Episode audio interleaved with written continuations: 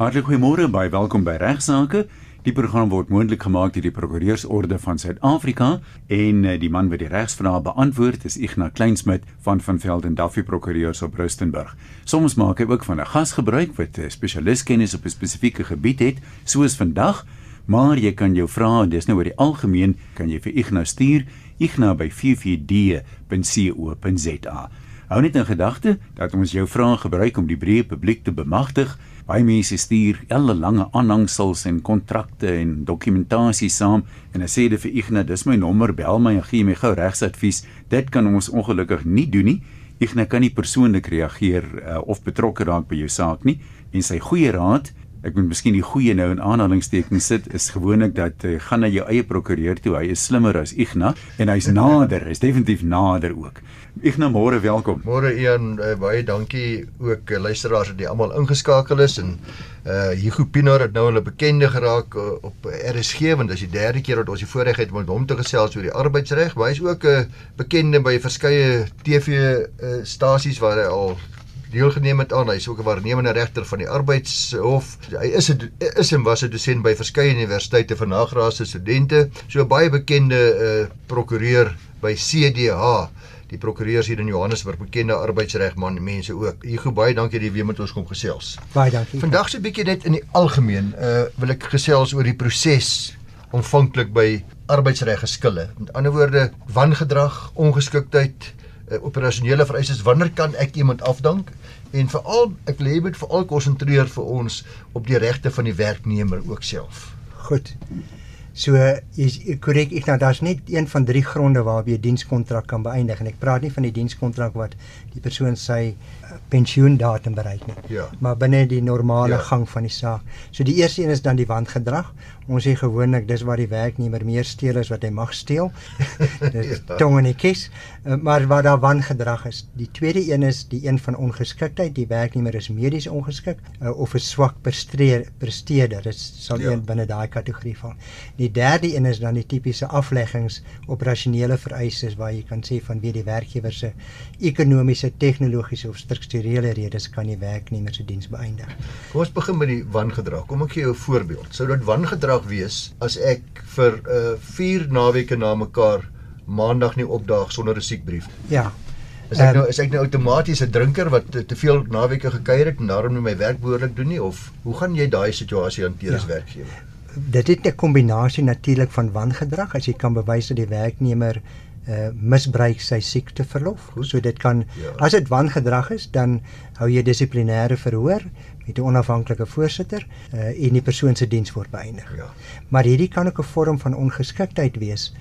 Maar natuurlik in daai omstandighede moet die werknemer ook jou van 'n mediese sertifikaat voorsien. Ja, die bewyslas is dan op hom. En as hy dit nie kan voorsien nie, dan is dit natuurlik onbetaalde siekteverlof, maar daarmee saam is moet hy verklaar hoekom. En wat werkgewers doen, hulle vind die oomblik wat daar 'n sogenaamde tendens is, dan sal hulle begin optree teen daai werknemers. Want dit natuurlik het dit allerlei ander gevolge vir die medewerknemers. Nou skielik moet jy iemand op skof aanbly. Mhm. Uh en dit plaas uh, veiligheidsrisiko's op werkgewers en op werknemers. En dan is daar die tipe wangedrag en ons gaan nou nou kom by die proses self. Die wangedrag wat eintlik alreeds in jou kontrak uitgespel word. Byvoorbeeld die myner wat twee keer na mekaar 'n alkoholpersentasie het van 'n sekere uh, hoeveelheid wanneer hy vir werk aanmeld. Ja. Ekskuus, kan ek net gou 'n oombliekie die horlosie terugdraai? Ek net ek dink 'n vraag wat baie luisteraars het of werkgewers het. As dit nou kom by die briefie wat nou sê die persoon is siek, hy kan nie werk nie. Wie mag dit uitreik? Want ek meen daar is nou geregistreerde geneesheere, maar dan is daar ook tradisionele geneesers. Soms, jy weet, as mens sien op sosiale media van die briefies wat jy sommer kan sien, hierdie ding lyk nie lekker nie. Wie mag dit uitreik? Moet jy dit van enige ou wat homself 'n dokter noem of 'n geneeser noem aanvaar of is daar 'n kriteria wat sê nee nee nee, ek jy moet 'n geregistreerde mediese praktisyn se brief vir my bring? Daar is 'n vereiste een dat jy geregistreer wees moet wees by 'n raad. En by daai raad uh, is is meeste ons praat van mediese praktisyns geregistreer. En by daai raad kan tradisionele healers ook geregistreer word. En dan die mediese sertifikaat self het sekere vereistes en daar's riglyne wat dit moet wat dit moet uh, be, bevat voor dit 'n geldige mediese sertifikaat is. Goed, baie dankie. Wat die bewys van wangedrag betref, uh, is dit ook natuurlik sodat baie dienskontrakte spel al reeds vir jou uit dat daar sekere aspekte is van wat jy nie mag doen nie en wat beskou sal word as wangedrag. Presies. Byvoorbeeld uh, waar jy verskofte aanmeld en dan jy word jy elke keer getoets vir jou alkoholpersentasie in jou bloed en as jy twee keer daai alkoholpersentasie oorskry het, dan is dit outomatiese afdanking. Ja, dit moet steeds deur die proses gaan, die die altering proses. Jy moet steeds 'n verhoor hê. Jy kan nie net 'n reël hê sê as dit plaasvind word jou diens outomaties beëindig nie. Daar's altyd daai proses van 'n verhoor, selfs binne die konteks daarvan. En natuurlik as ons praat van alkohol, moet jy altyd kyk of of daar afhanklikheid is van alkohol ja. en welval jy potensieel na kan kyk na rehabilitasie. Goed, nou hier is nou 'n goeie voorbeeld. Ek het nou dis nou duidelik dat hierdie persoon het die alkoholpresentasie was toe hy erken hy doen 'n bekentenis en hy sê dit is so, maar ek is siek. Dink ek het 'n probleem. Het die werkgewer nou 'n plig om hom te stuur vir 'n uh, rehabilitasie of want daar's ook 'n bedryfsvereistes wat 'n rol speel natuurlik. Ja, want in die eerste plek plaas hy ander werknemers se veiligheid op risiko. So is is 'n ernstige oortreding. Ja. Die tweede ding is die die reëls binne daar's 'n skedule 8 van die wet wat voorstel en dis nie verpligtend nie en die werkgewers doen dit in die reël waar 'n persoon 'n probleem het, dan stuur hulle hom op sy eie koste. Dikwels doen die werkgewer die bydrae, maar op sy eie tyd en eie koste, dis dikwels onbetaalde verlof vir 'n vorm van rehabilitasie. As die persoon dan terugkom en daar's 'n herhaling van die oortreding, dan sal hy waarskynlik nie weer die kans kry om te sê jy het nou 'n kans op rehabilitasie nie. Wat ons wel sien is dat werknemers het nie noodwendig 'n uh, probleem nie, maar hulle vind uit van hierdie sogenaamde gaping en dan skielik sê hy ek het 'n probleem. Ja, as ek nou reg verstaan, dan sê jy vir my dat by die eerste geleentheid is behoort die werkgewer eintlik eers na rehabilitasie te kyk. Ja. Behoort of is hy verplig? Hy behoort. Ja. Ja. As hy dit nie doen nie dan sal daar dalk 'n CCMA proses volg of 'n wat dalk 'n negatiewe afleiding kan maak en sê daar was 'n alternatief tot ontslag. Want dit moet jy altyd ondersoek, was Correct, daar 'n ja. alternatief tot ontslag? Maar jy weet wat baie werkgewers doen, hulle sit in jou kontrak waarna jy verwys en sê as jy 'n afhanklikheid het, moet jy dit openbaar dat ons dit kan kan adresseer en ons sal dit konfidensieel hanteer. En die rede hoekom hulle dit doen is omdat daar so amper 'n abuse um, van die proses is misbruik, misbruik is ja. van die proses, ja. Nou sit ek ek het 5 of 6 werknemers, 'n klein besigheidjie en uh, nou is daar 'n dissiplinêre probleem. Jy het nou nog gepraat van 'n onafhanklike dis, dissiplinêre proses. Verduidelik bietjie die term. Ja. Ons kan ek self voorsitter wees ja. maar ek nou iemand wil afdank in my in my besigheid. Ja. Wel in meeste gevalle is jy die enigste persoon wat daar is. Presies. Ehm um, maar daar word 'n mate van onafhanklikheid verwag. Daar's daar's al Bressie het daaroor geskryf dat sê in geen werkgewer konteks kan jy ooit sê daai persoon wat voorsit is totaal onafhanklik nie. En die klein werkgewer kan doeteenvoudig net nie bekostig om nou 'n onafhanklike persoon te gaan aanstel om die verhoor te hou nie. Daar is 'n proses binne die wet waar jy kan sê 188A wat die proses onmiddellik omskep in 'n arbitrasie. Maar dit het ander regsgevolge vir die werkgewer. Goed, kom ons gaan nou deur die proses. Ek het nou my werknemer, ek wil hom afdank, uh, moet ek hom kennis gee hoe ja. hoe werk dit? Ja, die eerste een is natuurlik moet jy hom ontskors hangende die verhoor en daai ja. skorsing is natuurlik uh, met betaling. Uh, as jy dink jy gaan die werknemer ontslaan, dan is dit gewoonlik veilig om te skors. So die eerste proses is as dit tot jou kennis gekom het en is ernstig, sal waarskynlik skorsing oorweeg en jy sal die werknemer skors vir 'n kort tydperk, dan kry die werknemer kennis van 'n dissiplinêre verhoor waar jy dan in baie eenvoudige taal verduidelik wat was die oortreding dink die gevaar hier is mense wil dit baie reg tegnies mm, maak. Hulle mm, sê onregmatige gebruik van 'n jy weet wat ook al. Ja. Onregmatige aan. Dis nie nodig nie. Ons skryf net wat het die persoon gedoen. Kyk na jou dissiplinêre kode dat jy min of meer daar binne val. As die oortreding nie binne jou dissiplinêre kode val nie, beteken dit nie jy kan nie optree nie. Jy kan steeds optree. En dan moet die werknemer die kennis kry, geleentheid om voor te berei vir die verhoor, gewoonlik 48 uur. Daai 48 uur gaan ook oor 'n naweek plaasvind. En dan het jy 'n verhoor waar jy die werknemer kans gee om sy of haar saak te stel uh, of die werkgewer om getuienis te lei gewoonlik gebeur dit eerste dit is interessant Ignas as jy kyk na die die wet geskryf is het hulle bedoel om dit 'n baie meer informele proses ja. te maak amper ek gee vir jou die klagtes met 'n verklaring verduidelik gee antwoorde daarop op skrif en 'n onafhanklike persoon maak 'n beslissing maar dit on, dit het ontwikkel in meer van amper 'n werklike verhoor waar jy in 'n kamer gaan sit met 'n tafel en 'n stoel en 'n met 'n getuie met met 'n tolk ja. dit het baie formeel geword en ja. die hof het al gesê jy weet dit is nie bedoel om so formeel te wees goed. Nou vir daai verhoor plaas ek uh, maak 'n bevinding. Ek is voorsitter. Ons is nog steeds almal deel van dieselfde kantoorgroepie. Uh ja. daar's nog eintlik geen buitestander wat 'n rol gespeel het in hierdie geval nie en ek bevind dat daar is wel 'n uh, afdanking is geregverdig my werker, het hy met hom begin het hy by die verhore reg op verteenwoordiging gehad? Kon hy iemand kry om by te staan? Net interne verteenwoordigers, Ja. eksterne verteenwoordigers word nie toegelaat nie. Selfs eksterne vakbond verteenwoordigers word nie toegelaat nie met enkele So uitsonderings. intern beteken een van sy medewerkers. enige medewerknemer uh, kan hom verteenwoordig. Nou dit sê ek, nou sê ek jammer meneer, ek gaan jou afdank. Uh, Ja. jou laaste dag is die 31ste. Ja. Wat is sy regte nou? Ja, net een stap terug. Die mense vergeet dikwels 'n verhoor het twee fases. Een is bevind jy so- soortgelyk in strafreg wat jy ook goed Ja. ken. Bevind jy eers skuldig, so dis 'n proses fase 1. Fase 2 is 'n aparte ondersoek na uh, wat is die gepaste Goed, straf. ja. Met ander woorde is dit ontslag of nie. En dan kan dit 'n semiere ontslag wees. Jy kan semier ontslaan word sonder kennis. Al wat die werkgewer jy moet betaal is byvoorbeeld jou uitstaande Ja. verlof. Ja. En dan het die werknemer 30 dae om daai geskuld te verwys na die CSMA of as daar bedingingsraad is na die bedingingsraad. Intussen moet die werknemer daardie uitspraak aanvaar. Hy moet die werk verlaat.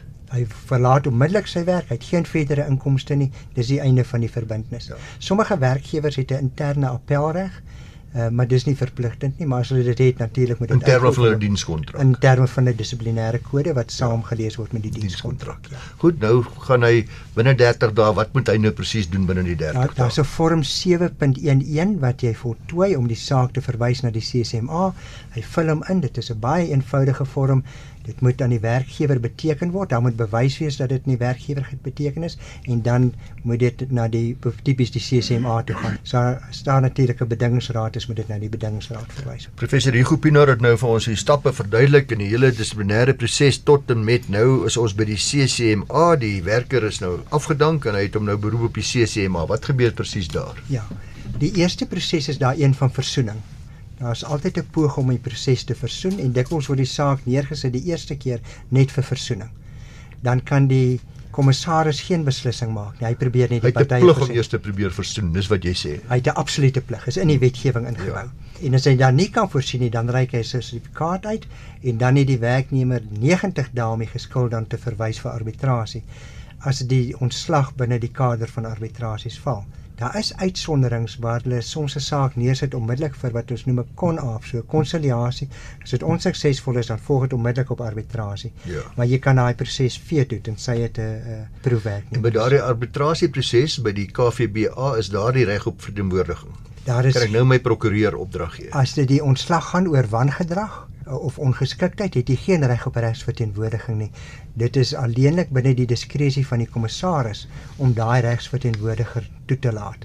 Uh, en dan moet jy aansoek doen en daar's 'n reël 25 wat kyk na 'n klomp faktore soos die gelykheid van die partye wat mekaar verteenwoordig. Dit is nie werkgewer en die vakbond en so meer nie. Is dit 'n komplekse Ja, saak? en dan na natuurlik kom ons by die arbeidshof uit. As die arbiter nou weer teen die werknemer beslis, kan hy appel aanteken. die die werknemer of die werkgewer, Of die werkgewer, kan ja. daai saak op hersiening neem.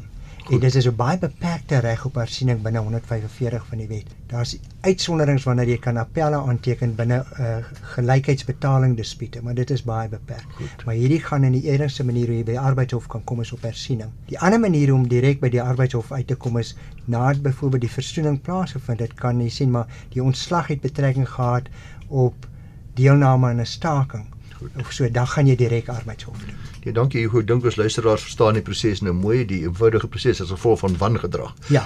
Die proses is anders as ons kom by ongeskiktheid.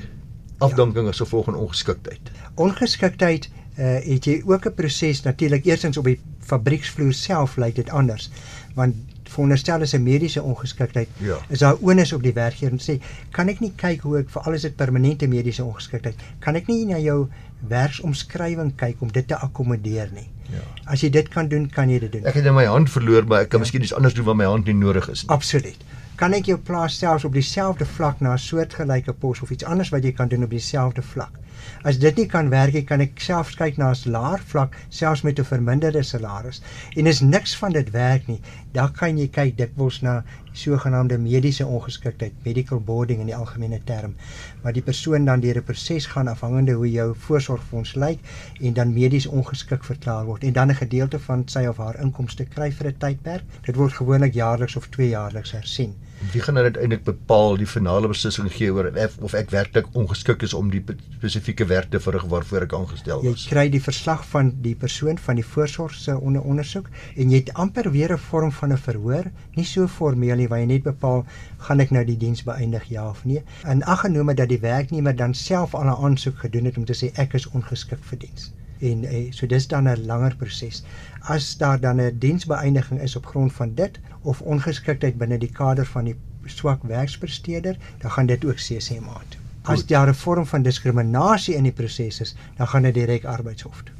So ek diskrimineer teen jou, ek het jou ontslaan omdat jy positief is wat is, getoets het vir HIV. Ja, ja, ja. Dan sal dit 'n tipiese arbeidshof dispuut wees. En dan natuurlik is daar 'n ander uh ding wat in Suid-Afrika nogal toenemend gebeur en dit is konstruktiewe geslag. Konstruktiewe ontslag, ja. Nee, ek dink bedryfsvereistes, operasionele O, o, ja, ja. operasionele vereistes. Ja. Met ander woorde, dit gaan so sleg met my besigheid, ek kan net ek kan julle nie meer aanhou nie. Ja. Ek gaan die helfte van julle moet laat gaan. So so dis baie interessant dat die wet maak spesifiek daarvoor voorsiening. Ja. Hy maak voorsiening vir 'n groot skaalse of 'n klein proses, maar die begin is hoekom kan ek mense se diens beëindig? En die wet omskryf dit. Hy sê vanweë ekonomiese, tegnologiese, soort strukturele of soortgelyke redes. So ekonomies, ek maak nie meer geld nie. Tegnologies, ek outomatiseer my krane. Ek gaan nou net Ja. uh, een kraan hê in plaas van 5. Uh, struktureel, ek maak my bestuurstruktuur dunner. Ek het minder mense nodig. Dan begin ek met 'n proses van konsultasie, nie onderhandeling nie. Ja. Met gewoonlik die vakbond of die werknemers gaan deur 'n lang proses van konsultasie as dit grootskaals is vir ten minste 60 dae voor jy kennis kan gee van diensbeëindiging. Kleiner is dit natuurlik minder. En dan konsulteer jy, maar belangrik jy, jy onderhandel nie. En aan die einde van daai proses sal jy dan die werknemer se diens beëindig met 'n vorm van 'n skeidingspakket. En daar's 'n skeidingspakket die wet sê interessant die wet op basiese diensvoorwaardes nie die wet op arbeidsverhoudinge en die sê Ja. onder artikel 41 een week vir elke voltooide jaar diens. Ja. En dis een week se vergoeding, dis nie op basiese salaris bepaal. Ek verstaan. En geld daar nog sekere formules. Ek onthou die ou bekende formule was LIFO, last in first ja. out.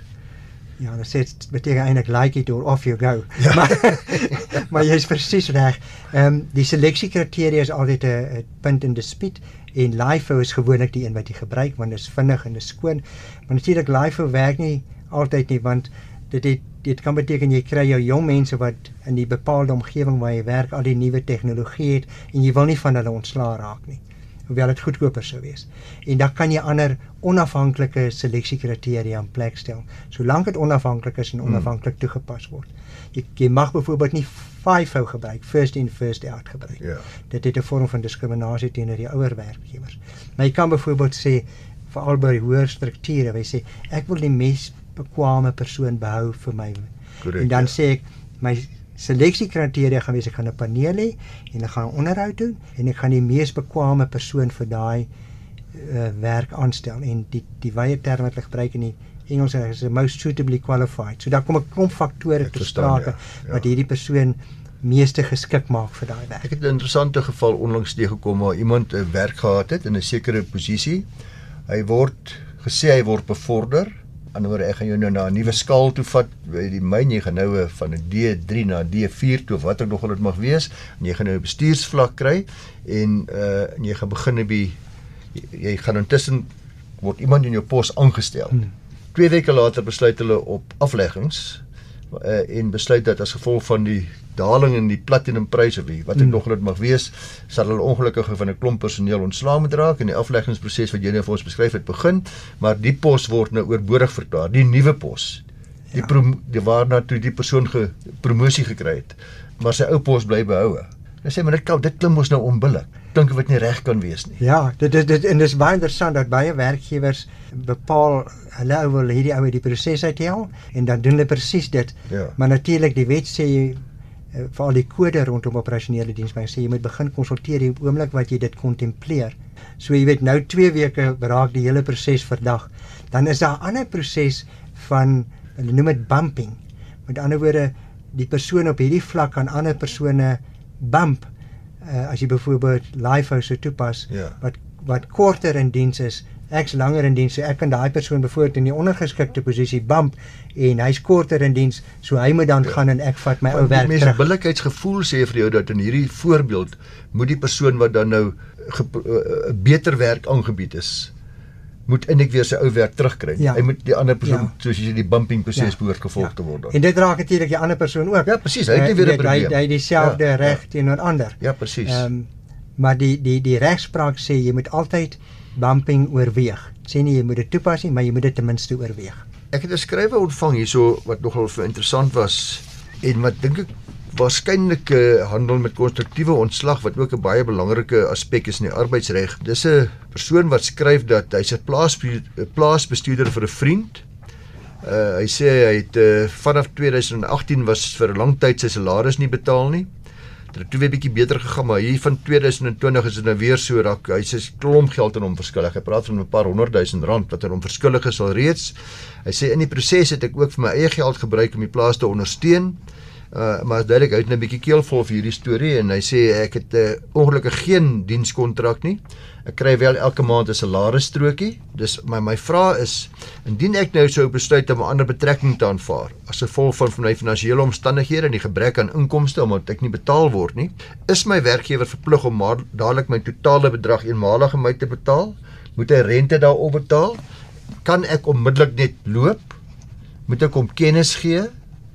En uh, indien ek 'n ander betrekking aanvaar, wat staan my te doen om die agterstallige gelde dan wel te vorder? Ja. Dit is die tipiese voorbeeld van konstruktiewe ontslag Ja. waarna ons vinnig vroeër verwys het. Die regspraak sê as die werkgewer nie die werknemer betaal nie, dan kan die werknemer bedank en sê jy betaal my nie, dis 'n wesenlike verbreeking van die diensvoorwaardes. Dit is vir my onmoontlik om met die verhouding voort te gaan en daarom bedank ek. Ek het geen alternatief om as om te bedank Ja. nie. En dit is nou 'n bietjie meer gekompliseerd as dit, maar jy weet jy moet gruwe prosedure uitwin normaal, maar in hierdie geval sê die regspraak dis 'n grondslag vir konstruktiewe ontslag en daai werknemer kan in feite daai werkgewer na die CCMA vat, jy die Afrikaanse term vir dit. Ja, die KVBA. KVBA vat en op grond van konstruktiewe ontslag selfs soveel kry as 12 maande se vergoeding. Uh so dis net wat sy remedie betref. Sy situasie is uniek want hy praat van hy het vir hom geld geleen. Dis natuurlik 'n siviele saak. Ja, absoluut. Sover hy hom geld Ja. skuld, is die vraag of sy salaris minder of meer is as die sogenaamde minimum wat vasgestel het van dis ongeveer 205000 per jaar. Dit maak jy min of meer tussen 17 en 18000 rand per maand. Goed. As sy salaris minder is, dit is kan hy dit direk na die CCMA verwys. Anders is dit 'n siviele saak. So die CCMA se bevel sal dan dieselfde krag hê as 'n siviele vonnis. Presies dieselfde. Kan afdwing afgedwing word deur eksekusie ensovoorts. Kan eksekusie doen. As hy minder as 17 8 ongeveer sê 200 en iets duisend per jaar. ongeveer. 205 per jaar, per jaar. enkele rande en sente, ja. En as dit meer as 'n verdien want hy maar prokureur hy- spreek en hom dagvaar vir daardie geld. Ja, hy, hy moet dit doen. En die 12 maande, kom ons sê dan maar die daar word deur die KVBA bepaal dat hierdie persoon moet hom 6 maande se salaris gee as gevolg van die onbillikheid van die proses ja. ensovoorts of 12 maande sin. Uh hoe word daardie bedrag verhaal ook in die vorm van 'n siviele vonnis? Dit sal dieselfde effek hê, die kom die uh die toekenning van die CCMA dieselfde effek. Hulle het die wetgewing verbeter wat dit betref. Uh so jy kan dit soms laat sertifiseer en dan vat jy dit na die adjunkbalie en die adjunkbalie kan eksekusie hê op grond van dit. 'n Laaste vraagie, ek kom in by my uh, werkgewer. Uh en ek is bitter ontstel oor iets wat die dag gebeur het. En ek uh, en hy uh, by werkgewer is my nog ongeskik ook boonop. En sê man, doen maar wat jy wil, jy kan maak dit wat jy wil. Dis ongelukkig hoe dit is. Jy mag nie te- jou teetyd is net van 10 tot 11:30 en dis klaar. As jy dit nie doen nie, dan uh, oortree jy en ek sê man, weet jy wat kan jy met jou werk doen? en ek sê ek voeter weg hier. So ek is klaar met jou met hierdie kantoor en ek vat my tassie en my werkgewer sê vir my dat jy dan mag gaan. Ja. Natuurlik kom ek die aand by die huis. Ek sê vir my vroukie ek is werkloos. Sy is bitter ontstel want sy weet ek wip my te maklik. Sy sê vir my jy moet teruggaan en jou baas om verskoning gaan vra.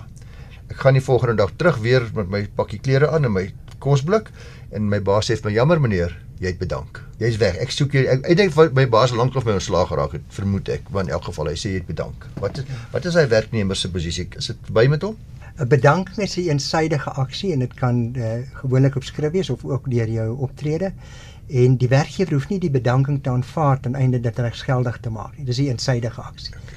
Wat interessant is dat die regspraak ontwikkel het waar mense onder emosionele omstandighede bedank soos hierdie en hulle kom terug, dan het die hof al gesê ek sal jou akkommodeer om dit terug te trek. Dis 'n vreemde uitspraak want dit steen nie ou gemeenregtelike beginsels gewees, maar die hof het dit al gesê.